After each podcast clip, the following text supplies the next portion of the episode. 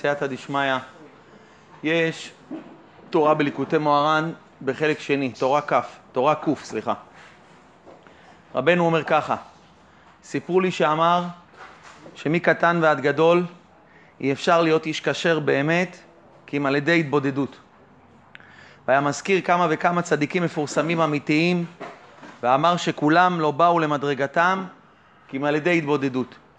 וגם תפס איש אחד פשוט מנכדי הבעל שם טוב ז"ל, ואמר גם זה מפרש שיחתו בכל פעם לפני השם יתברר בבכייה גדולה. ואמר שזרע הבעל שם טוב רגילים בזה ביותר.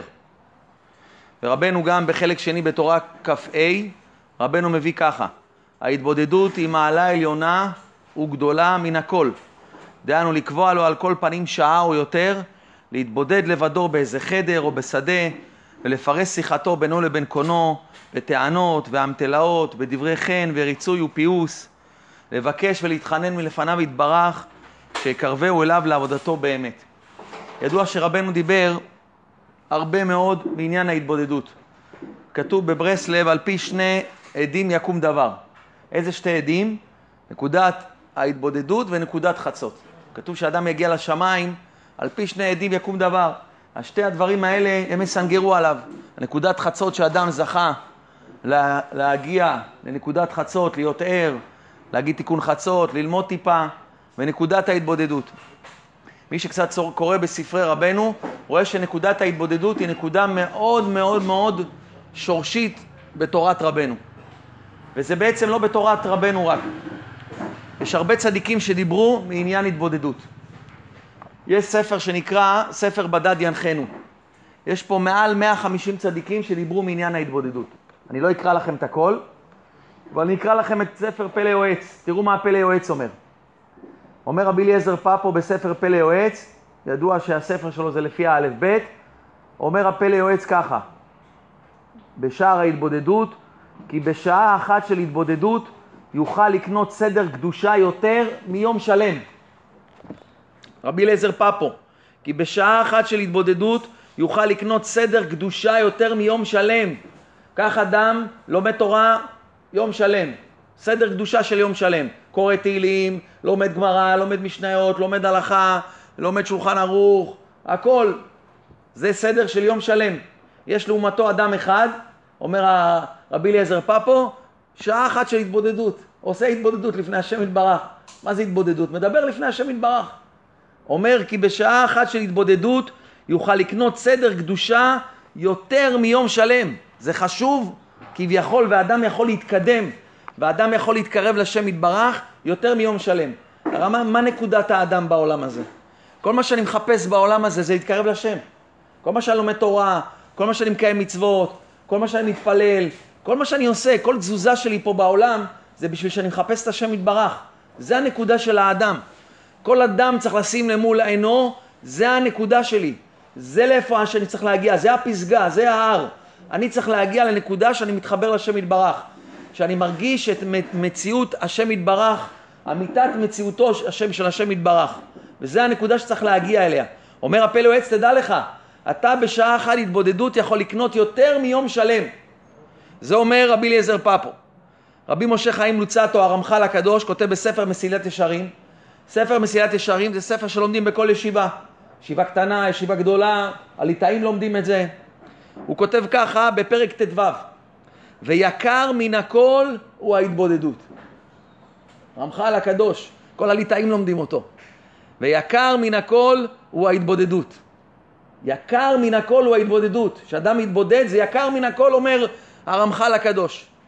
יש עוד הרבה צדיקים שדיברו מזה, יש את הכלי יקר, יש את המלבין, רבי אברהם גלנטי, יש את רבי חיים ויטל, הארי הקדוש, יש ספר חרדים, יש הרבי משה קורדברו, הרמ"ק הקדוש, דיבר על זה. יש הרבה הרבה הרבה מאוד צדיקים, החפץ חיים דיבר מזה הרבה, ידוע שהחפץ חיים היה מתבודד גדול. הרבה צדיקים דיברו מעניין ההתבודדות. הבעל שם טוב דיבר מזה הרבה, בחסידות בכלל, הנועם אלימלך, הרבה הרבה דיברו מזה. וצריך לדעת מה הנקודה שרבנו בעצם מגלה לנו פה. רבנו אומר שמקטן ועד גדול אי אפשר להיות איש כשר באמת כי אם על ידי התבודדות. התבודדות היא מעלה עליונה גדולה מן הכל. הפלא יועץ אומר, תשמע, אתה רוצה לקנות יותר מיום שלם, לקנות עבודת השם, זה שעה התבודדות. אומר הרמח"ל הקדוש, ויקר מן הכל זה התבודדות. למה? מה יש? אדם צריך לדעת שהעצה בדור האחרון זה התבודדות. והיום אני אביא לכם ראייה הכי גדולה בעולם. היום אנחנו נלמד למה כל אחד מעם ישראל, זה לא קשור אם הוא חסיד, אם הוא לא חסיד, עצם שהוא יהודי, הוא צריך לדבר עם השם יתברך. ורק אם הוא ידבר עם השם יתברך כל יום, הוא יכול להגיע לתכלית שלו. אדם שלא יזכה לעשות התבודדות, דיבור עם השם, פגישה עם השם, אדם שלא יזכה לדבר עם השם יתברך בשפה שלו כל יום, הוא בעצם לא יגיע למטרה הנכספת. והיום אנחנו נראה למה. אנחנו נראה בעצם למה, מה הסוד בהתבודדות, מה הסוד הגדול הזה שרבנו בא וכל כך כביכול אפילו מה? אפילו הכריח אותנו לעשות. רבנו דיבר מאוד מאוד מעניין ההתבודדות, מאוד מאוד, ואפילו הכריח, הכריח לעשות את זה. למה? מה העניין? לא מספיק שאני לומד תורה? מה אתה רוצה ממני? אני קובע עיתים לתורה. ויש אחד שיגיד לך, תשמע, אני לומד בכולל, אני לומד עשר שעות ביום. אני לומד גמרא, אני לומד מפרשים, אני לומד טור בית יוסף, שולחן ערוך, אני שקוע בתורה. מה אתה רוצה ממני עכשיו? אתה רוצה עכשיו לנתק אותי מהתורה? שאני אלך שעה אחת לדבר עם השם יתברך? לא צריך, מה אני צריך את הדבר הזה? ויש אחד להגיד לך, תשמע, אני קורא תהילים, אני קובע עיתים לתורה, זהו, מספיק. מה, אני חייב להתבודד, אני חייב לדבר עם השם יתברך בשפה שלי? כן. תדעו לכם, בעקבתא דמשיחא, אדם שלא יזכה לעשות את הדבר הזה, הוא לא יגיע לנקודה העליונה, הוא לא יגיע להתחברות לשם יתברך. ואני היום אוכיח לכם את זה, ואנחנו נראה את זה שלב אחרי שלב, אנחנו נראה למה בעצם אדם חייב לעמוד לפני השם יתברך כל יום, רבע שעה, חצי שעה, עשרים דקות, עשר דקות תתחיל, תתחיל מחמש דקות. הוא חייב לדעת שרק על ידי העצה הזאת הוא יוכל להגיע בעצם לתכלית שלו בעולם הזה, שזה להתקרב לשם יתברך. אז אנחנו בעצם יודעים שבאופן כללי יש באדם ידיעה, ידיעות, ויש חוש של תפיסת המציאות. יש באדם שתי דברים. יש דבר שאדם יודע, אני אתן לכם דוגמה. כל אחד מכם למד שהוא היה קטן, שעשר ועוד עשר שווה עשרים. זה דבר שלא ידעתם כשהייתם קטנים, למדתם חשבון, למדתם כמה זה עשר ועוד עשר, ואז אדם לימדו אותו, וברוך השם הוא יודע את זה. לעומת זאת, לכולנו יש יד ולכולנו יש רגל. אדם יודע שיש לו יד? אדם לא יודע שיש לו יד, אלא האדם חש את זה במציאות. הוא לא צריך שיגידו לו שיש לו יד. זה לא כמו חשבון. כשאדם לומד חשבון זה דבר שהוא לא ידע. אתה מלמד אותי עכשיו חשבון, עשר ועוד עשר שווה עשרים. אבל כשאתה אומר לאדם, תגיד לי, יש לך יד? יש לך רגל? הידיעה שיש יד זה נקודה חיצונית. לפני הכל זה עצם המציאות שלו, הוא חש את זה במציאות. אתה לא צריך להסביר לו, תשמע, יש לך יד. הוא חש את זה, הוא כל שנייה חש את זה. כלומר, יש שני חלקים. קודם כל, באדם יש חוש באמיתת המציאות, זה המציאות שלי. המציאות שלי זה שיש לי ידיים ורגליים. על זה נופל הידיעה השכלית. עכשיו אני יודע שיש לי יד ורגל, אבל אתה לא צריך להגיד לי. לעומת זה שמונה ועוד שמונה, זה דבר שאני לא חש אותו במציאות, אלא אני רק יודע אותו בידיעה מה כללית. ברוך השם כל אחד מאיתנו חזר בתשובה. כל אחד מאיתנו התקרב לשם יתברך. הוא זוכה והוא יודע את הידיעה כי יש בורא לעולם. עכשיו בוא נתבונן במה שאמרנו. וננסה ננסה לראות מה המהות של הידיעה הזאת. כל אחד יסתכל על עצמו ויתבונן. האם הידיעה שלי, בורא עולם, אני מאמין בבורא עולם. מה זה אני מאמין בבורא עולם? כל יהודי אומר אני מאמין בבורא עולם. אדם מתקרב לשם יתברך, הוא מאמין בבורא עולם. מה זה אתה מאמין בבורא עולם? האם אתה מאמין בבורא עולם בתור ידיעה, כמו שמונה ועוד שמונה שווה שש עשרה? או האם אתה חש במציאות, כמו יד ורגל, אתה חש את השם יתברך? האם הנקודה הזאת, הידיעה הזאת, שיש בורא לעולם, זה בא לי מתוך ידיעה, או ממש ממש שזה חוש במציאות, אני חש את זה, אני חש את אמיתת מציאותו יתברך, זה כמו יד ורגל. ההבחנות של האדם הן מתחלקות בדרך כלל לשתי חלקים. כמו שאמרנו, יש ידיעה ויש הבחנה, הבחנת המציאות. אני אתן לכם דוגמה. עכשיו אם תיקח אדם שהוא עיוור, שהוא לא רואה, ותיתן לו מה? תיתן לו למשש איזה חפץ. תיתן לו איזה כוס, והוא עיוור, הוא לא רואה. מה יקרה? הוא לא רואה את החפץ. אז איך הוא יודע שזה כוס? הוא ייקח את הכוס, הוא ימשש אותה, לאחר שהוא ימשש אותה הוא ירגיש אותה, ממילא הוא ידע שמה? שיש פה חפץ. זאת אומרת, אילו לא היה פה חפץ, לא היה לו מה למשש, ואז הוא לא היה יודע מה, הוא לא היה יודע שיש פה בכלל מה הכוס. נמצא שמה, שתחילת ידיעתו מהחפץ הוא על ידי חוש המישוש. זה לא על ידי ידיעה, זה לא שהוא יודע שיש פה כוס, אלא הוא מישש את הכוס, הוא נגע בכוס, הוא לא רואה, אה, ואז אחרי שהוא מישש, הוא אמר, מה, תשמע, יש פה מה? יש פה כוס. זאת אומרת שיש לי ידיעה שכלית ומוחשית. אני יכול לחוש את הכוס, ואז אני יודע בשכל שיש מה? שיש כוס. האם הידיעה שיש בורא לעולם, מאיפה היא מתחילה? היא מתחילה מחוש המישוש, או שהיא מתחילה מידיעה? אני חש את השם יתברך בחוש המישוש, או שאני יודע שיש בורא לעולם. הרי כתוב על הקדוש ברוך הוא שלית מחשבה תפיסה בכלל. אין לו גוף ואין לו דמות הגוף. הוא לא ניתן למישוש בידיים. זאת אומרת, בהכרח שהידיעה איננה מתחילה מחוש המישוש. אף אחד לא מאמין בבורא עולם בגלל חוש המישוש, זה לא חפץ. הידיעה היא ידיעה שכלית. איך אני יודע שיש בורא לעולם? איך אדם יודע שיש בורא לעולם? שאלה פשוטה. איך אדם מאמין שיש בורא לעולם? זה בא לו משתי נקודות. נקודה אחת, זה כמו שכותב הרמב"ן, משה קיבל תורה מסיני, ממנה השתלשלה במסורת היהודית, משה קיבל תורה מסיני, שרה ליהושע, יהושע לזקנים, וככה העבירו מדור לדור, עד שבעצם אנחנו מאמינים שאתה נולדת, נולדת למשפחה דתית, או לא נולדת למשפחה דתית, בסופו של דבר, למה אתה מאמין שיש השם? לא חשת אותו, לא ראית אותו בכלל, אז איך אתה מאמין שיש השם יתברך בעולם? זה בא לך מתוך הנקודה שכביכול זה בא מדור לדור. אנחנו מאמינים בני מאמינים. ממשה רבנו קיבלנו, היה בהר סיני, ראינו את מעמד הר סיני, ראינו את השם יתברך, וקיבלנו את זה מדור לדור. באת לאיזה רב, שמעת שיעור תורה, תשמע מעניין, יש השם בעולם? תשמע, אני מאמין. לא ראית, הוא לא יראה לך את השם יתברך. נמצא שהאדם מאמין בשם יתברך מכוח האמונה של דורות, שזה בא מאבא לבן, מאבא לבן. זה אחד. שתיים, זה מכוח שכלי. אפילו גם אם לא היית מאמין בשם, אם לא אמרו לך, אדם, כל אדם שהוא בר שכל, גם אם הוא היה נולד במדבר, היה עכשיו נולד בתוך מדבר. אחרי כמה זמן מה הוא שואל את עצמו? תגיד לי, מה זה פה? מי הביא את זה לפה? איך נולדתי? איך באתי? מי ברא את זה? אפילו אם אדם לא היה מאמין בגלל שאבותיו נתנו לו את זה, אדם מבחינת השכל, ויש הרבה אנשים שחזרו בתשובה ככה, הם פשוט שאלו את עצמם מה? תשמע, יש פה משהו בעולם הזה, מי ברא את זה? מי עשה את זה? איך זה בכלל בא לפה? כמו מה? כמו אברהם אבינו. נמצא שהאדם מאמין בשם יתברך בגלל שתי סיבות. זה האמונה של כולכם ושלי גם. אחד, בגלל שקיבלנו את זה מאבותינו, וזו אמונה שבאה מדורות, אנחנו מאמינים. אתה מאמין לאבא שלך, אבא שלך האמין לאבא שלו, וככה העבירו את זה. שתיים, מכוח שכלי. אתה אומר, תשמע, מי ברא את זה? מי יצר את זה? יש פה שמש, יש פה ירח, יש פה, כמו שאתה יודע, יש פה שולחן, יש פה כיסא, אף אחד לא בא ומה נפל מהשמיים. זה מישהו מה יצר אותו. זאת אומרת שאנחנו יודעים את השם יתברך מידיעה גם שכלית. אחרי שהגענו להבנה הזאת, אנחנו צריכים להתבונן.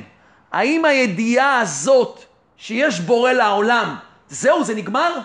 כל אחד חזר פה בתשובה. הוא הבין שיש בורא לעולם, הן מצד אבותינו והן מצד השכל שלו. האם פה זה נגמר? האם פה עכשיו אני מתחיל מה? מתחיל לקיים תורה ומצוות, וזהו, וזה נגמר? תורה ומצוות, ונכנס לכולל, ומתקדם בהכל, וזהו, ואני משאיר את האמונה בצד? זה מה שקורה ל-99% מהאנשים. 99 האנשים, אחוז מהאנשים שחוזרים בתשובה, וזה יצר הרע, שהוא בעצם הביא את זה לעולם, והוא בעצם מסמא את זה מן העולם, הוא מעוור את העולם. אין בעיה, חזרת בתשובה, אין לו בעיה שחזרת בתשובה. אתה מאמין? טוב נשמה, זהו, נגמר, לא צריך לעבוד על זה. על מה צריך לעבוד? על אמונה? זהו, אני מאמין. למה אתה מאמין? אני מאמין, תשמע, אבותינו קיבלו, אבא שלי, ככה למדתי. שתיים, שכל, ידיעה פשוטה. בטח שיש בורא לעולם, אז מי ברא את הכל פה? מי מחיה פה את הכל? רוב בני העולם עוצרים פה. רוב בני העולם לא מה? לא ממשיכים כביכול מה? את כוח האמונה הזאת, ונותנים לה מה? נותנים לה להתמשש, נותנים לה להתפתח, נותנים לה כביכול מה? להרחיב אופקים. אז אנחנו צריכים לדעת שבעצם יש מה? יש אמונה בבורא עולם שהיא אמונה שהיא לא רק כביכול בידיעה שכלית, היא אמונה של אמיתת מציאותו, החוש, כמו שיש לי ידיים ורגליים, אני מרגיש את זה, אתה לא צריך להגיד לי את זה. ככה האדם צריך להגיע לחוש הזה, לכביכול, המישוש של השם יתברך. אבל אין דבר כזה חוש המישוש של, היד, של הידיים אצל השם יתברך. אין דבר כזה. אלא הכוונה, מה זה חוש המישוש? חוש המישוש אצל השם יתברך זה על ידי חושי הלב. חושי הלב. זאת אומרת, יש ידיעה של שכל מצד קבלת האבות, והן מצד ההכרה הפשוטה שדברים לא נעשים מעליהם.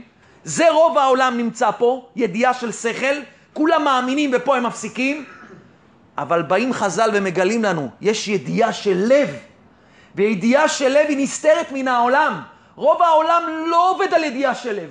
שום דבר. הוא לומד תורה אחרי זה, הוא ישר מקיים את התורה והמצוות. הוא לא מפתח את הידיעה הזאת, זה נשאר אצלו ידיעה שכלית. הוא מאמין בשם יתברך, אז בא לו ייסורים, אז בא לו קצת פרנסה, קצת בריאות, הוא מאמין, מזה הוא עומד בניסיונות. אבל אף אחד לא לוקח את האמונה והופך אותה למה? ידיעת הלב.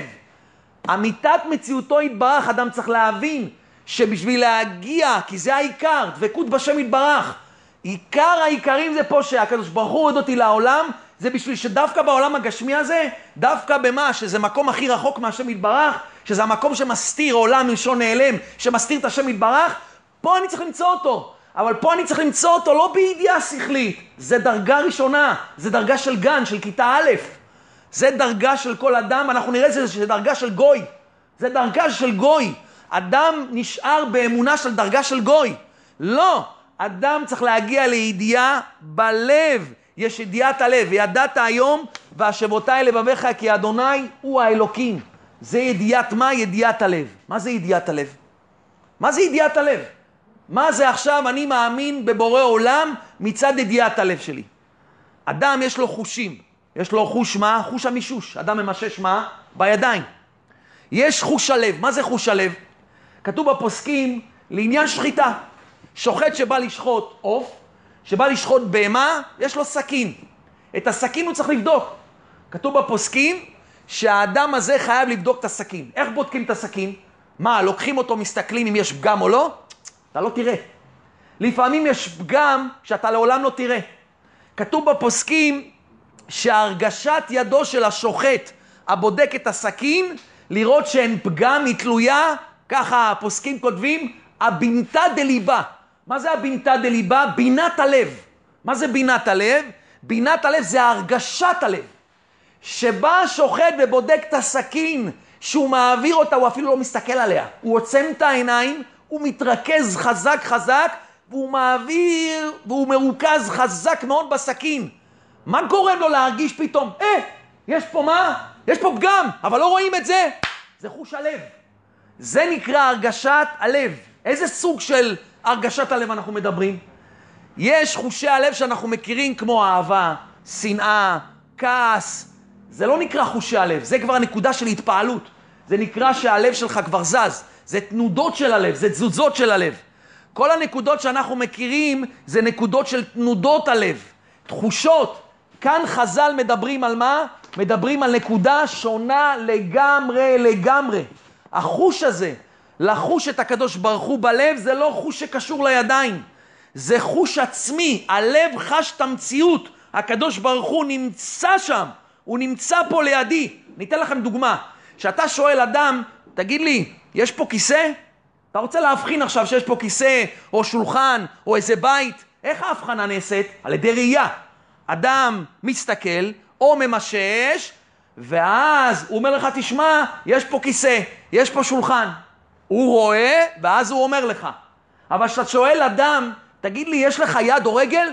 שאל בן אדם ברחוב, תגיד לו, תגיד לי נשמה טובה, תגיד לי, יש לך יד? מה האדם הזה יעשה? הוא יסתכל על היד ואז יגיד לך, יש לי יד? אם הוא יעשה דבר כזה, הבן אדם הזה, חס ושלום, היד שלו לא מרגיש אותה.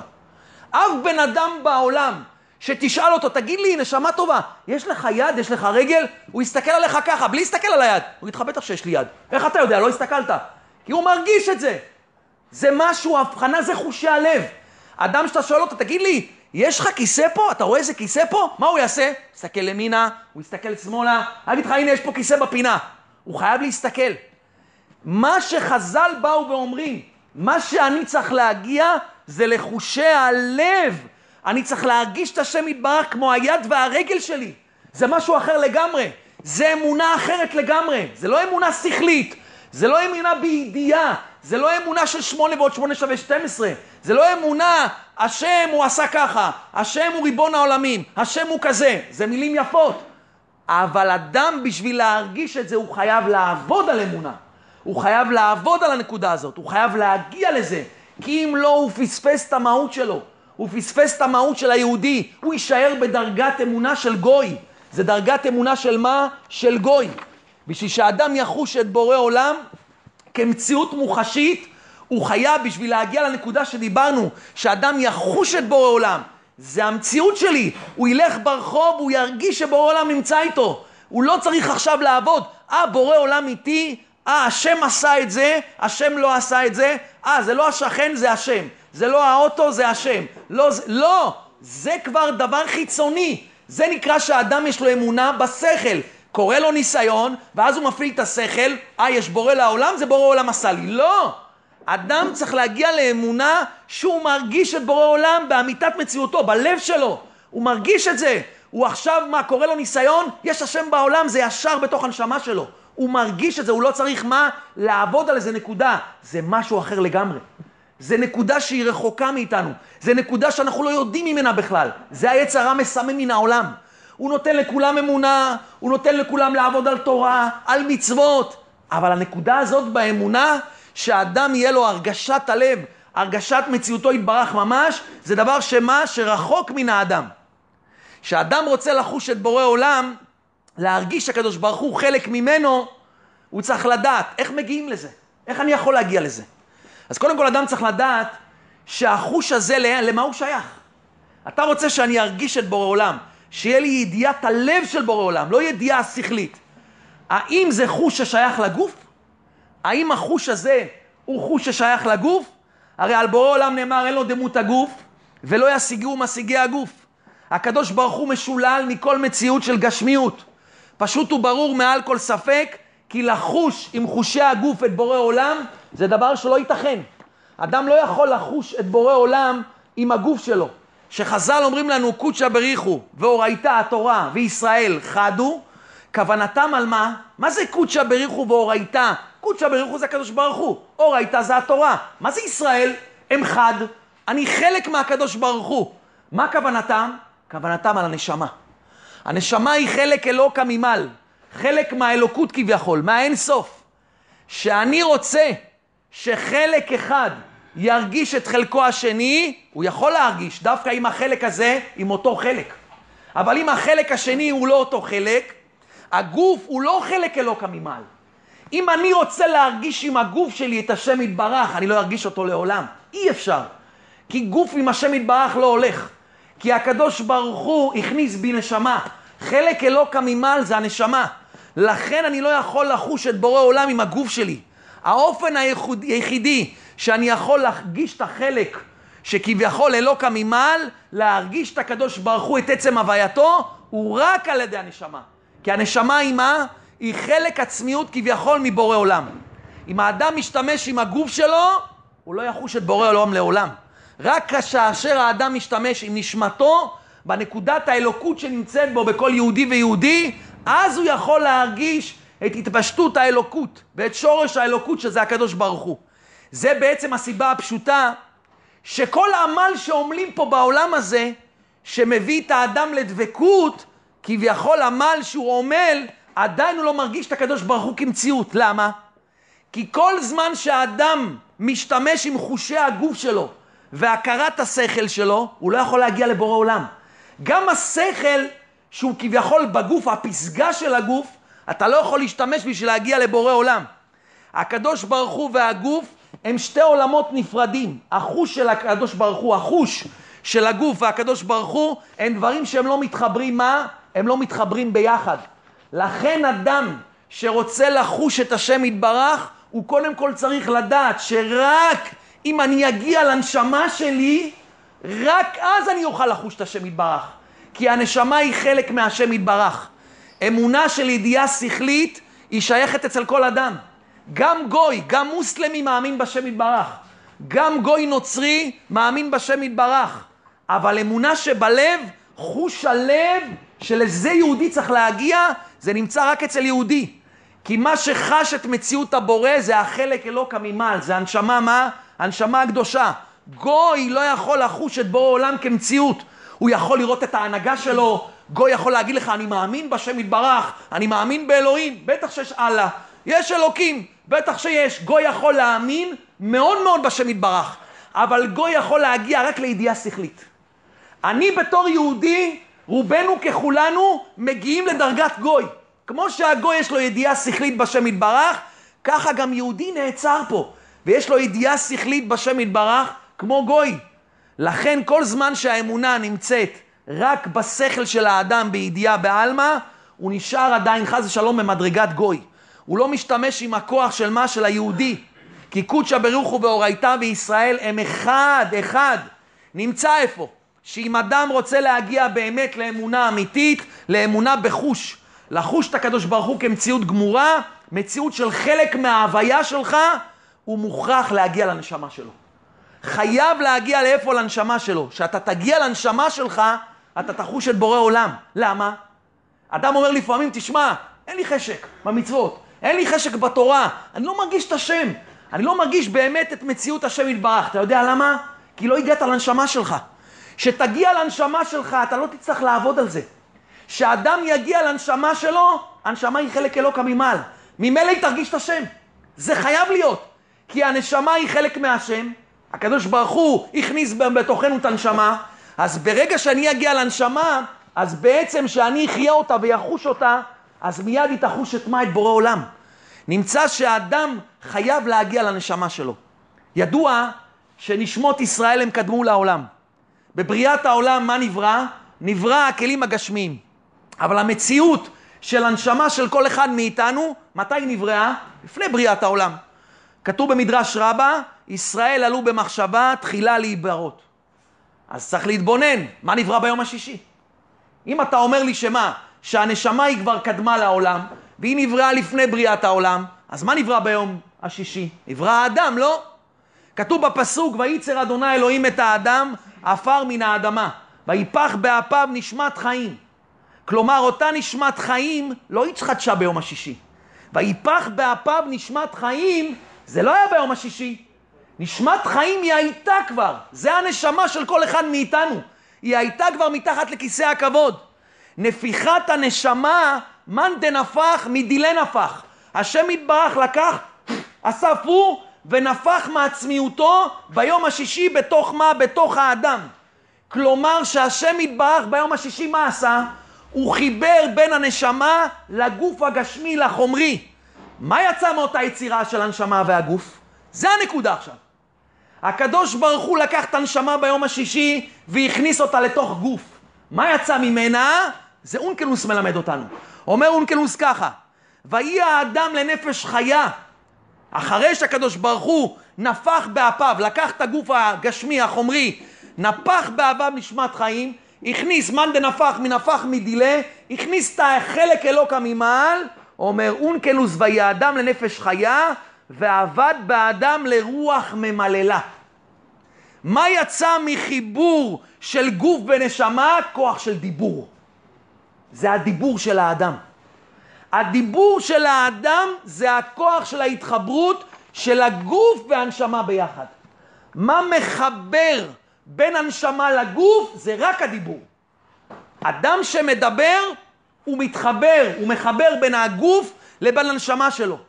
אדם צריך לדעת, הכוח שמעורר את הנשמה זה הרוח ממללה. בא אונקלוס, באה התורה בעצם ומלמדת אותנו. היא מלמדת אותנו סוד גדול. תדע לך נשמה טובה, אני נתתי לך גוף, נתתי לך נשמה. מה אתה צריך בעולם הזה לעשות? לחבר בין הגוף לנשמה. איך מחברים בין הגוף לנשמה? זה על ידי רוח ממללה. על ידי מה? על ידי הדיבור של האדם. שאדם זוכה להשתמש עם הכוח הזה, לעורר את הנשמה ולהכיר אותה, ממילא הוא יכיר את מה? ממילא הוא יכיר את בורא עולם. כי בורא עולם זה חלק מהנשמה שלו. לכן הכוח היחיד שניתן להגיע לבורא עולם, לחוש אותו במציאות, לחוש את המן דנפח, נפח מדילה, זה על ידי כוח הנשמה. זה רק על ידי כוח הנשמה.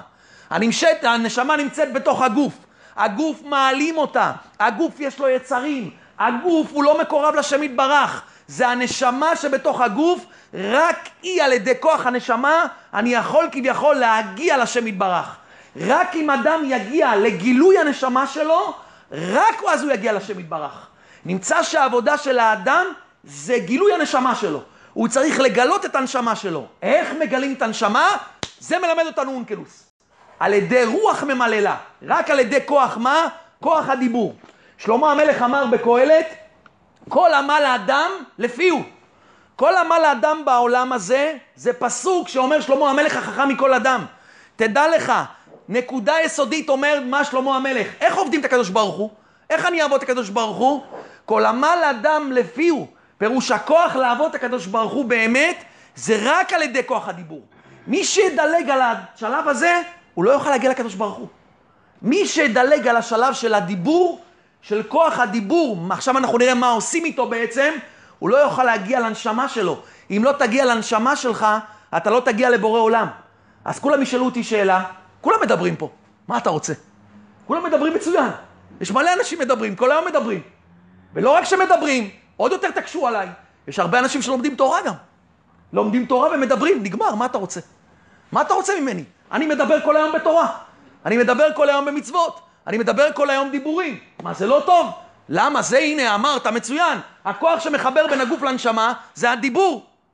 אלא אומר הירושלמי, יש ירושלמי בברכות. אדם יכול לקחת את כוח הדיבור שלו ולהוריד אותו ממדרגתו ולדבר על ידי כוחות הגוף. זה, זה דבר שאנשים לא יודעים. יש בני אדם שמדברים עם הגוף שלהם, הם לא מדברים עם הנשמה שלהם. יכול אדם בעולם הזה להסתובב פה 70 שנה, הוא לא הוציא מילה אחת מהפה. הבן אדם הזה לא דיבר לעולם. הוא יגיע לשמיים, יגיד לו, נשמה טובה, הבאנו לך פה, הבאנו לך כוח דיבור. זה מה שהיית צריך, צריך לעשות, לחבר בין הגוף לנשמה. לא דיברת מילה אחת 70 שנה. הוא יגיד, מה לא דיברתי? בואו תראו. בואו תראו בתמונות. יראו אותו מה רק מדבר. הוא אומר, תשמעו, 70 שנה, דיברתי 90 שנה. תראו כמה דיבורים דיברתי. ולא רק שדיברתי, דיברתי גם דברי תורה. יגידו לו, נכון, נשמה טובה, דיברת, אבל זה דיבורים של גוף. זה לא דיבורים של מה? של נשמה. מעין זה מה אנחנו אומרים, אומר הזוהר הקדוש? יש עופות, יש חיות. הם מדברים אחד עם השני? כן. יש שפת החיות, יש שפת העופות. אבל עליהם לא נאמר, ויהיו לנפש חיה לרוח ממללה. אם כן, יכול האדם חלילה לדבר את דיבוריו, כן, דיבורים של חיות ועוף. זה צפצופים ריקים בעלמא. אומר הזוהר, פטפוטי בעלמא. מפחיד. אדם יכול להלך בעולם הזה, הוא מקיים תורה ומצוות.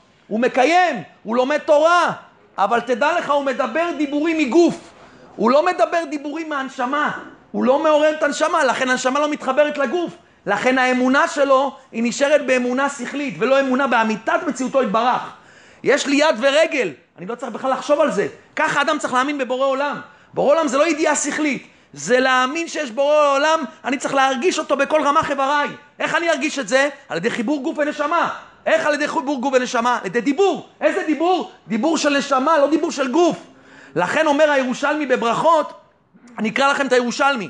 אמר רבי שמעון בן יוחאי, אילו אבינה קאים על תורה דסיני, בשעתה דהתייבי תורה לישראל, אבינה מתבאק אמר רחמנה, דהתברא לברנש טרן פומין, חד דאבה לאי באורייתא, וחד דאבד לכל צורכי.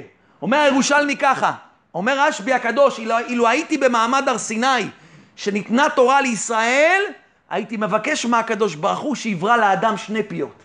ככה הייתי מבקש.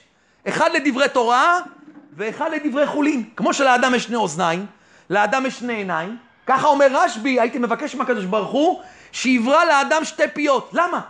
למה? למה אומר רשב"י צריך שתי פיות? מספיק פה אחד, תדבר דברי תורה. לא. אלא הטעם שהדיבור שלנו לא מעורר את הנשמה. אנחנו מורידים אותו למדרגת צפצופי עופות. אדם מדבר עם הגוף שלו, הוא לומד תורה עם הגוף שלו. הוא מדבר, מקיים מצוות עם הגוף שלו. הוא מדבר אפילו דברי תורה עם הגוף שלו. אילו היו לאדם שתי פיות, אומר רשב"י, אז גם אם אדם היה מדבר צפצופים בעלמא כמו חיות ועופות, לכל הפחות היה לו מה? היה לו עוד פה למה? לעורר את נשמתו. לכן אבל רצונו יתברך, לא שיהיה לאדם שתי פיות, אלא יהיה פה אחד, בבחינת פה קדוש, או חס ושלום ירד למדרגת מה? צפצופים בעלמא. לכן הדרך להגיע לאמונה חושית, לעורר את הנשמה ולהגיע להתקרבות אמיתית לשם יתברך, היא רק על ידי האמנתי כי אדבר. אבל איזה דיבור? דיבור של נשמה. איפה אדם זוכה לגלות הנשמה שלו ולדבר דיבורי הנשמה? זה על ידי התבודדות. זה הצעת ההתבודדות. למה הצדיקים דיברו מהתבודדות? למה יש פה 150 צדיקים שדיברו מהתבודדות? למה רבנו כל כך צעק על התבודדות?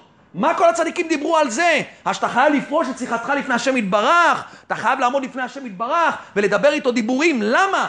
כי ידע רבנו הקדוש שבעקבתא דמשיחם אדם לא ילמד תורה לשמה, אדם יהיה לו צפצופים בעלמא, כל הדיבורים שלו זה יהיה דיבורים בעלמא.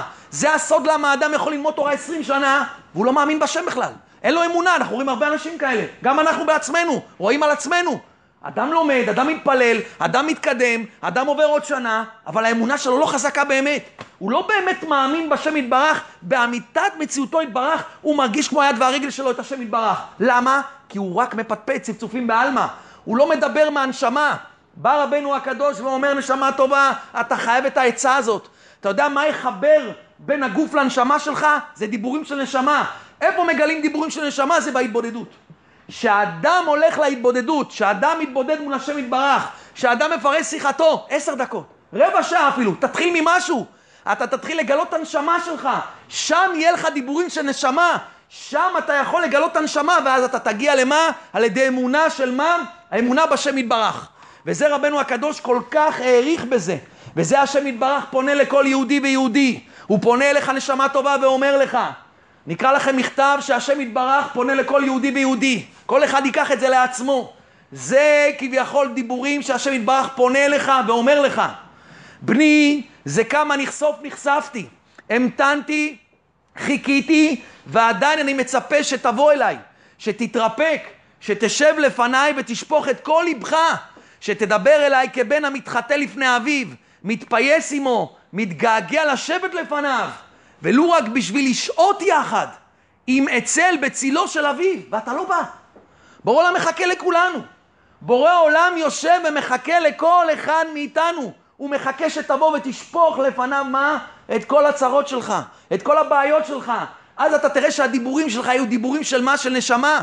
אילו ידעת כמה רמזים שלחתי לך, כמה הרהורים ומחשבות, כי צופים שהמסו את לבבך, כאילו באו מאליהם מעומק העמקים שבלב, ולא ידעת כלל מהיכן באו. אין בכוחך להבין כמה פעולות שונות ומופלאות עשיתי בעולם כולו, הכל בכדי לרמז לך, לקרוא לך, למשוך אותך אליי בעבותות אהבה. כל מה שהשם עושה בעולם, וכל מה שאתם שומעים גם עכשיו, זה תדעו לכם, זה הצדיקים באים ומדברים איתכם, ואומר לך נשמה טובה, תתעורר, השם יתברך רומז לך מכל הפינות, מה הוא רוצה ממך? כל מה שהשם מעביר עכשיו בעולם, תדעו לכם, זה בשביל שהאדם בסוף יפנה לשם יתברך.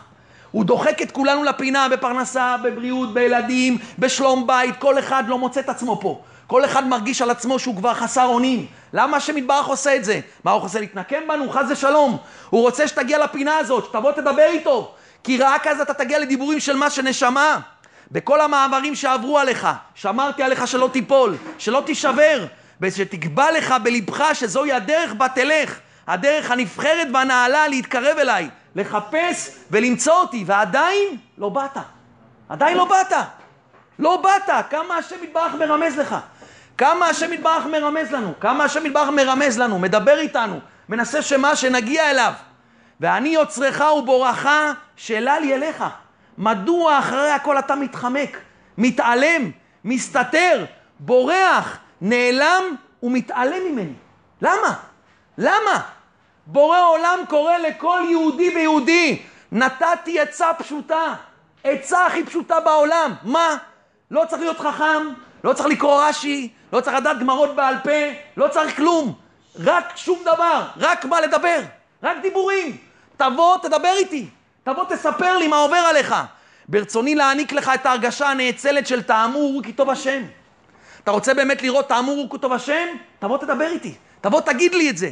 ולכן התאמתי לך מטובי מקרבת אלוקים לי טוב. כל זה בכדי שתתקרב אליי, תבקש, תחפש אותי, תכסוף, תשתוקק, תתגעגע אליי. זה מה שזוכים, זה דיבורים של נשמה. מתי אדם יזכה לחפש את השם, לכסוף לשם, לבקש את השם, להתגעגע לשם? מתי? דווקא בהתבודדות. דווקא ברגעים האלה, שאדם לבד עם בורא עולם, ומספר לו את הכל, ואז מתחיל לעלות לו געגועים, ובקשה, וחיפוש, ואז השם יתגלה לך. אז הוא יתגלה לך. אז אתה תרגיש בלב פתאום הרגשה, יש השם בעולם. מה שעד עכשיו האמנתי, זה באמת לא אמונה אמיתית. לא הרגשתי את השם בכלל. פתאום האדם ירגיש את השם יתברך בתוך רמ"ח איבריו ושסה גידיו. ואני שואל מדוע באתי ואין איש? קראתי ואין עונה, למה? בוא אליי, שוב אליי בני, שב עמי בני, עמי בדד, בד בבד. ואז אביאך בצל כנפיי, אשפוך רוחי עליך, האמן ודע. גם אם לא תוכל לקיים את ההתבודדות באופן המושלם, של משפט ויישוב הדעת ותפילה סדורה, לא נורא. לא נורא. אם רק תשב מול השם יתברך, נוכח פני השם, תבוא תקרא לי רק אבא, ריבונו של עולם, באתי, באתי, אמרו לי שזה העצה, אני באתי לגלות את הנשמה שלי, באתי לדבר איתך, באתי לעמוד לפניך, זה העצה, זה מה שתגיד לשם רק.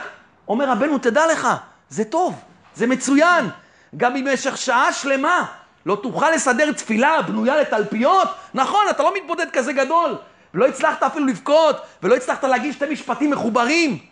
אומר רבנו, ישיבתך לפניי, העיניים והלב, אותם אתה נושא אליי, הם לנחת רוח. עצם שאתה רק יושב ומסתכל עליי ככה. זה כמו בן שמסתכל על אבא שלו. אבא עכשיו עובד, אבא עושה, מתקן משהו בבית, הבן שלו לוקח כיסא יושב עליו, לידו. אומר לו, מה קרה? מה אתה עושה פה? אומר לו, בא, בא תסתכל עליך. מה אתה יושב פה? לא דיברת, אתה לא מדבר בכלל. דבר איזה מה? לא, לא, אני לא מדבר. באתי להסתכל עליך. למה אתה מסתכל עליי, בני היקר? כיף לי לראות אותך. רק באתי לראות אותך. ככה השם יתברך, כמה נחת רוח הבן הזה עושה לאבא. רק כשהוא יושב לפניו, הוא רק מסתכל עליך, עם החיוך של הבן. ככה אתה צריך לשבת בהתבודדות. גם אם אין לך דיבורים. באתי, ריבונו של עולם, באתי לגלות את הנשמה שלי. למה באתי לעולם הזה? למה באתי? לאסוף מצוות? לאסוף תורה? זהו, נגמר? באתי מה? ידיעה איזה שכלית באמונה ונגמר? לא, באתי להתקרב אליך. באתי להרגיש אותך, אני רוצה אותך, ריבונו של עולם. אני לא יודע איך עושים את זה, אני לא יודע איך מגיעים אליך, אבל הנה הצדיקים באים ואומרים לי שאני צריך לבוא לידך. אני צריך לעמוד לפניך. אני מחכה ומצפה לך. העיניים שאתה נושא אליהם נחת רוח. הם מעיקרי הסיבות שבגינם בראתי את כל העולם כולו. כל הבריאה כולה השם ברא בשביל שאתה תשב לידו. תשב בהתבודדות ורק תסתכל כלפי שמיא, זהו, בורא עולם הגעתי. באתי לפגישה איתך, מה יהיה מפה? זה כבר אתה תחליט, ריבונו של עולם. נחשפתי שתגמור לשמוע את המכתב הזה, אל תאמר לשאפנה שנה, מחר, עוד שבוע, מאוחר בלילה. עכשיו, היום, אם בקולו תשמעו. כל אחד יתחיל היום חמש דקות, עשר דקות, כמה שאתה יכול, דקה. דקה, נגמר. אני עוזב את הכל, אני עם בורא עולם. אתה תרגיש מתוק מדבש. אתה תרגיש פתאום דיבורים כאלה, כיסופים, רצונות. אתה תגלה את עצמך, אתה תכיר את עצמך, אתה תגלה את הנשמה שלך. דע לך, בני, איני חפץ כלל לשמוע קטרוגים ורינונים מאותם מקטרגים החפצים לדון אותך לכף חובה, לצרות וייסורים, להסתרת פנים. אני לא רוצה לשמוע אותם, אבל הם באים אליי כל יום, הם מספרים לי עליך. הם כביכול מה? מדברים עליך דברים לא טובים. אני קורא לך, בוא, התפייס איתי, התרצה עימי, אני אדון אותך לכף זכות, אני ארחם עליך, אני אמחה לך, אני אכפר לך. ספר אתה למען תצדק, אומר ישעיה הנביא. ספר, בוא תספר לי, תגיד לי מה עובר לך, תגיד לי שקשה לך עם העיניים, תבוא תספר, מה, אני לא יודע? אני לא מכיר את הדור הזה, לא הבאתי את היצרה לדור הזה. מה, הוא לא יודע שקשה לך לשמור את הברית? הוא לא יודע שקשה לך בחיים האלה? הוא לא יודע שקשה לך עם האישה, עם הילדים, עם פרנסה, עם הבריאות? הוא לא יודע מה עובר עליך? בטח שהוא יודע. בוא תספר. בוא תספר, זה היצרה הכי גדול של העולם. תדעו לכם, זה העצה של עקבתא דמשיחא. מי שיתבטל לצדיקים, מי שיהיה תמים, תמים, אני בא לשם יתברך, אני מאמין לצדיקים. אני מאמין לכל הצדיקים שכתובים פה. יש פה אין סוף צדיקים שדיברו על זה. אין סוף פה צדיקים שדיברו. כל הצדיקים דיברו מהעצה הזאת. כי זה עצת העצות. זה העצה מה? לגלות הנשמה. לא סתם רבי אליעזר פפו, הפלא יועץ אומר, כי בשעה אחת של התבודדות תקנה עבודה גדולה יותר מיום שלם. למה? כי פה אתה תגלה את הנשמה. זה לא פטפוטים בעלמא, זה לא צפצופים בעלמא. לכן ספר אתה למען תצדק. בוא ספר נא את כל מה שעבר לך. תסביר למה עשית את זה. איך יכולת לעשות את זה? בקש סליחה, בקש מחילה. לא יכלתי להוריד את העיניים, ריבונו של עולם. קשה לי, קשה לי. ניסיון ביום אני מבין, שתי ניסיונות מבין, 200 מבין, אבל אני לא יכול 500 ניסיונות בשנייה. אני יושב במשרד, מה אתה חושב שאני אעשה? יעזוב את העבודה, ריבונו של עולם, אין לי פרנסה, תעזור לי. אני לא יכול כל שנייה. ספר לו את זה, הוא מבין אותך. מה, בחור צעיר, הוא לא יודע מה אתה עובר? הוא לא יודע איזה קושי יש לך? בוא תספר. בוא תגיד, תציל את עצמך. תציל את עצמך מכל המקטרגים, מהרינונים. אז שיבואו המקטרגים, אומר להם, לכו לדרככם. שיבוא המקטרג אחרי זה, הקדוש ברוך הוא יאכל מה להגיד לו, תשמע, יש לי קלף, הוא היה אצלי כבר, לך מפה. לך מפה, אל תקטרג על הבן שלי, הוא היה פה, הוא כבר בא אליי, ריצה אותי, פייס אותי, התחנן, ביקש סליחה, מחילה, כפרה, ביקש לאבא, זה ילד טוב. לכן אין לכם רשות לפצות את פיכם לדון ולקטרג עליו. דע לך, ספר אתה למען תצדק, אני אצדיק אותך. אם תספר לי, אני אצדיק אותך. אני אקיים בך שר עוונך וחטאתך תכופר. דע לך גם יהיו חטאיכם כשנים. מה זה שנים? כחוט השני האדום. חוט שני הוא האדום כדם. גם אם יהיה לך עבירות כמו מה, אדום כדם, קשה לגלבינו. אני אלבין לך את הכל. הכל אני אלבין לך. אז אומר לך, מחיתי כאב פשעיך וכענן חטאותיך. מה זה מחיתי כאב? מה זה אב? זה ענן. ראיתם פעם איך נראה אב, הענן? הוא מחשיך מה? את כל אור השמש. נדמה לך פתאום מה? שהולך להיות פה עכשיו מה? איזה פיצוץ בעולם. לפעמים אתה רואה פתאום חושך ביום. כביכול מה? חושך, אפלה. פתאום מגיעה איזה רוח ממרומים, מה היא עושה? היא מפזרת את הענן, מוליכה את הענן למרחקים, ואז השמש היא מה? היא מאירה. מחיתי כאב פשעיך. נראה לך שהכל שחור אצלך, כל העוונות שחורים, כמו הענן הזה. מחיתי כאב פשעיך. אני אזיז את הכל, אני אזריח עליך שמש. ואז דע לך זאת הנהגתי כי חנון ורחום אני. אבל מתי אני חנון ורחום? שאתה תבוא לספר לי, שאתה תבוא לפניי, שאתה תבוא ותגיד לי, שאתה תבוא מה ותגלה את הנשמה שלך, תחבר בין הגוף לנשמה שלך. גם אם חטאת ופשעת לי, אם רוחך תתעורר לשוב אליי, אשלח רוח ממרום שתפזר, תנקה את השמיים מכל אב וענן, מכל חטא ופשע. יודע אני שיש לך חשש. שמה? יש הרבה אנשים שיש להם חשש. אולי העצה הזאת היא ביטול זמן, אולי זה ביטול תורה, מה אני אעשה שעה התבודדות? מה אני עכשיו אדבר עם השם? אך דע כי התבודדות מועילן הנפש שבעתיים מן הלימוד. זה גם הפלא יועץ כותב וגם החרדים בשם האריזל. דע לך תכלית תורה, תשובה ומעשים טובים, זה התכלית התורה. למה אתה לומד? למה אני לומד? למה להיות פרופסור? למה אני לומד? בשביל להתקרב לשם. זה המציאות, זה מה שאני צריך להגיע אליו. תדע לך, התפילה עניינה לזכות לקיים את התורה, ללמוד את התורה, לחפש את נותן התורה, היא תכלית הקיום. וזה מה שאמרו חז"ל, והלוואי שיתפלל אדם כל היום כולו. זה לא ביטול זמן יש כאן, מה פתאום? לכ... לכך נוצר הזמן, בשביל זה. כי יפה שעה אחת בתשובה ומעשים טובים מכל חיי העולם הבא, מכל חיי העולם, כי זוהי השעה.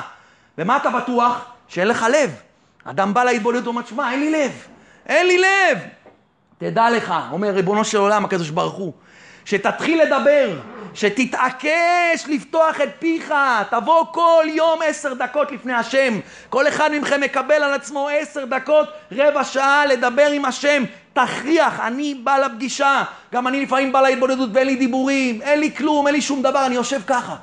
ככה, לפעמים אני רק מסתכל כלפי שמיא, מסתכל דרך החלון של האוטו, או אם אני זוכה לפעמים לעשות את זה בשדה, מסתכל ככה כלפי שמיא, אין לי מה להגיד לבורא עולם, אבל לא יודע מה זה עושה טוב. אתה גומר את החצי שעה, שלושת רבעי שעה, שעה אם אתה זוכה, עשר דקות, אתה יוצא אדם חדש. אתה יודע למה? כי נכנסת לפני השם יתברך. כשנכנסים לפני השם יתברך, זה טיפול עשרת אלפים, זה הכל נגמר.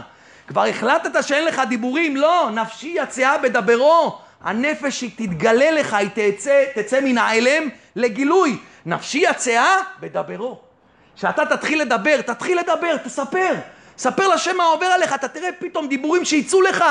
הדיבורים והיפח באפיו נשמת חיים, זה הרוח ממללה. שתבוא אליי, שתתעקש לא לעזוב את הישיבה נוכח פני השם. אני נוכח פני השם, אני בא לפני השם יתברך. תראה איך שמתקיים בך בורא ניב שפתיים. פתאום השם שפתיי תפתח ופיגיד תהילתך. פתאום יצא לך שבוע, שבועיים לא הצלחת, שלוש, פתאום יצא לך עשר שניות של דיבורים, אתה תרגיש את הנשמה בוערת לך בלב. הרגשות שלעולם אתה לא תרגיש, ומי שעשה את זה הרגיש את זה. זה פתאום אתה מרגיש זרם בגוף, חשמלים. זה משהו, אתה מרגיש, יו, השם ממלא אותי. זה נותן לך כוחות אדירים. אתה יוצא פתאום מההתבודדות, אתה יוצא עם כוחות מול כל העולם הזה. שתשב לפניי, תכסוף, תתגעגע, תתמלא בושה וענווה ממעשיך. תשים אל לבך לפני מי אתה יושב ולשם מה אתה נמצא כאן. תרגיש שליבך מתעורר, תתחיל להרגיש רחמנות אמיתית על עצמך. פתאום תרגיש צער, חרת, חרטה, כאב. פתאום אתה תראה בהתבודדות, אוי, מה עשיתי? איך אני מבזבז את החיים שלי? די, כמה אני יכול לרדוף אחרי האבלי העולם הזה? פתאום אתה תגיד, שמע, לאיפה אני הולך? לאיפה אני רץ? פתאום הכל יתעורר אצלך. אתה תרגיש פתאום מה זה, אתה תרגיש שאתה מאבד את העולם הבא שלך, אתה תתעורר, אתה תצא אדם חדש, אתם לא יודעים מה זה. אתם לא יודעים מה, כתובה מרדות אחד בליבו של האדם יותר מאין סוף מלכות שנותנים לו. ילקו אותך, ייתנו לך שיעורי תורה, לא יודע מה יעשו לך, זה לא עוזר, מרדות אחת. טובה מרדות פעם אחת, טובה מה? אחד בתוך שלב של האדם, משהו קטן, זה ההתבודדות. פתאום מתעורר אצלך, פתאום ייפתח לך, פתאום תרגיש, אוי, אני מבזבז את העולם הזה. אני מבזבז סתם על שטויות העולם הזה. תזכה להבין מהי עזק המוות האהבה, ונערות לא ישטפוה, תחוש בכל נפשך את ואהבת את השם אלוקיך. פתאום ינבע המעיין, הלב, הרגש, הפנימיות, הפנימית שבעומק הנפש. פתאום דבריי אשר שמתי בפיך, פתאום יבואו לך כאלה דיבורים מתוקים, פתאום אתה תתבונן, אתה תראה, בואנה, זה לא דיבורים שלי בכלל. איך דיברתי ככה? איזה דיבורים יוצאים לי? איך התחבר לי מה המילים? אתה תבין, זה לא שלי, זה מתנת חינם. תעזוב את כל העסקים שלך. איך יום אחד באתי לאיזה אדם אחד, באמת תלמיד חכם גדול, גדול, גדול, תלמיד חכם באמת גדול, גמר את הש"ס כמה פעמים. אז ניסיתי ככה לחזק אותו בעצת ההתבודדות ביחד, ודיברתי איתו מזה, אדם באמת תלמיד חכם. אתם יודעים מה הוא ענה לי? הוא אמר לי, תשמע, אני לא מתחבר לזה. אמרתי לו, למה אתה לא מתחבר לזה? הוא אמר תשמע, ניסיתי כמה פעמים, ואני מרגיש שאני מדבר לעצים ואבנים. ככה אני מרגיש. אז אני הייתי קצת חוצפן, והוא חבר שלי, אני מכיר אותו שנים, אז העזתי להגיד לו. אמרתי, תשמע, נשמה טובה, אני יכול לשאול אותך שאלה, אנחנו חברים כבר שנים. אומר לו, מחילה מכבוד תורתך.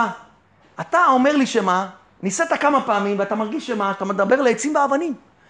אמרתי לו, זה צריך להדליק אצלך נקודה אדומה. גמרת את הש"ס כבר כמה פעמים.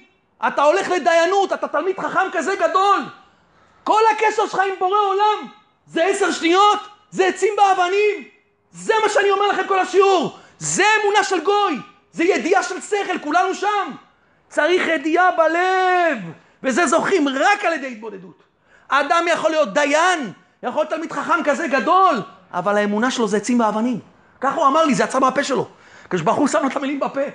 אמרתי לו, זה הנקודה, אתה צריך כל היום להיות בהתבודדות אתה. אתה כל היום צריך בשדה אם ככה. אתה מרגיש עצים ואבנים, וכולם מרגישים את זה פה. כולנו מרגישים, עם החבר אתה מדבר שעות, עם ההוא אתה מדבר שעות, עם ההוא אתה מדבר שעות, רק אתה מגיע לבורא עולם, חמש שניות. בורא עולם שתי משפטים ולא יותר, זה הקשר שלך עם בורא עולם. זה הקשר, אל תברח מזה. איך בונים את זה? זה הגילוי נשמה שלך. איך בונים את זה? תבוא, אל תפחד, אל תברח. תבוא כל יום להתבודדות, עשר דקות, רבע שעה, תעמוד לפני השם יתברך. בוא תשב לפני השם יתברך באיזה חדר, באוטו, בשדה, ואז אתה והשם יתברך קשורים ביחד, ביחד. כל זה זה מכתב מבורא עולם, באהבת וברחמנות כזו גדולה, אביך אב הרחמן, בורא עולם. בורא עולם כותב לנו את המכתב הזה לכל אחד מאיתנו. וככה כותב הזוהר הקדוש, אני רוצה להקריא לכם את הזוהר הקדוש, מה? בפרשת שמות. אומר הזוהר ככה, ילד שעשועים הם ישראל. שמתחטאים לפני מלכם בכל דבר. היהודי נקרא לפני השם יתברך ילד שעשועים. מתי אתה נקרא ילד שעשועים? שמתחטאים לפני מלכם בכל דבר. כל דבר שמפריע להם, הם באים לשם יתברך. כל דבר שמציק לו, הוא בא לשם יתברך. כל דבר שמפריע לו, הוא בא לשם יתברך. כל דבר הוא מספר לו. כל דבר שעובר עליך במשך היום, אתה בא ומספר, אומר הזוהר.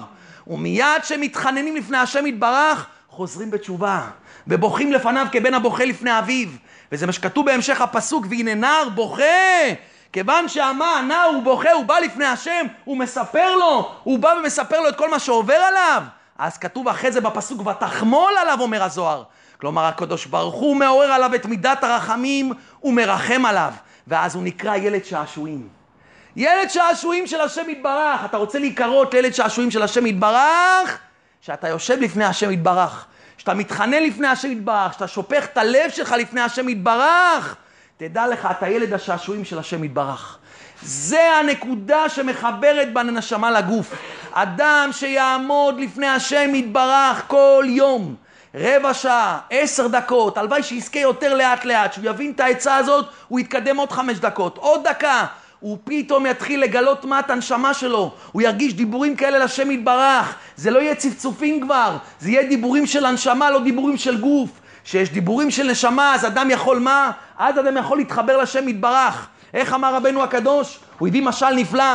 הוא אמר משל לאיזה מלך אחד ששלח את הבן שלו לאיפה? שלח אותו עכשיו ללמוד חוכמות גדולות. חוכמות מאוד מאוד גדולות. ואמר לו, הבן הזה חזר, למד הרבה חוכמות, מלא מלא חוכמות. לקח המלך את הבן שלו, אמר לו, תשמע, אני מצווה אותך מה? מצווה אותך, למדת חוכמות גדולות, תיכנס פה, אתה רואה את המחסן שלי פה למטה, תיכנס אליו. יש אבן כזאת גדולה במחסן, ענקית. אני רוצה שתעלה אותה לאיפה? לעלייה של הגג. לך תעלה אותה למעלה. אמר לו, אין בעיה, אבא, אני הולך. ההוא חשב שמה? יראה איזה אבן, ירים אותה, יעלה אותה למעלה. נכנס למחסן, מה הוא רואה? הוא רואה אבן בגודל של הדלת. איזה אבן? איך הוא יכול לעשות דבר כזה? הבן מסתכל על האבן, ימינה, שמאלה, מחשב חישובים, מוציא מהדפים, עושה חשבונות, כל החוכמות שהוא למד, חוכמות, חוכמות, חוכמות, חוכמות, עושה כאלה חוכמות, כבר שלוש שעות הוא נמצא במחסן. האבא אומר, מה קרה לבן הזה? איפה הוא הלך? יורד למטה, רואה את הבן עם דפים ככה, עם חישובים ככה. הוא אומר לו, מה אתה עושה? הוא אומר לו, תשמע אבא, מה, מה אתה רוצה שאני אעשה? איך אני יכול להרים אבן כזאת גדולה? הוא אומר לו, תגיד לי, אתה נורמלי? מה נראה לך שאני ציוויתי אותך להרים את כל האבן? בוא תשמע מה עושים. אומר לו, מה עושים אבא?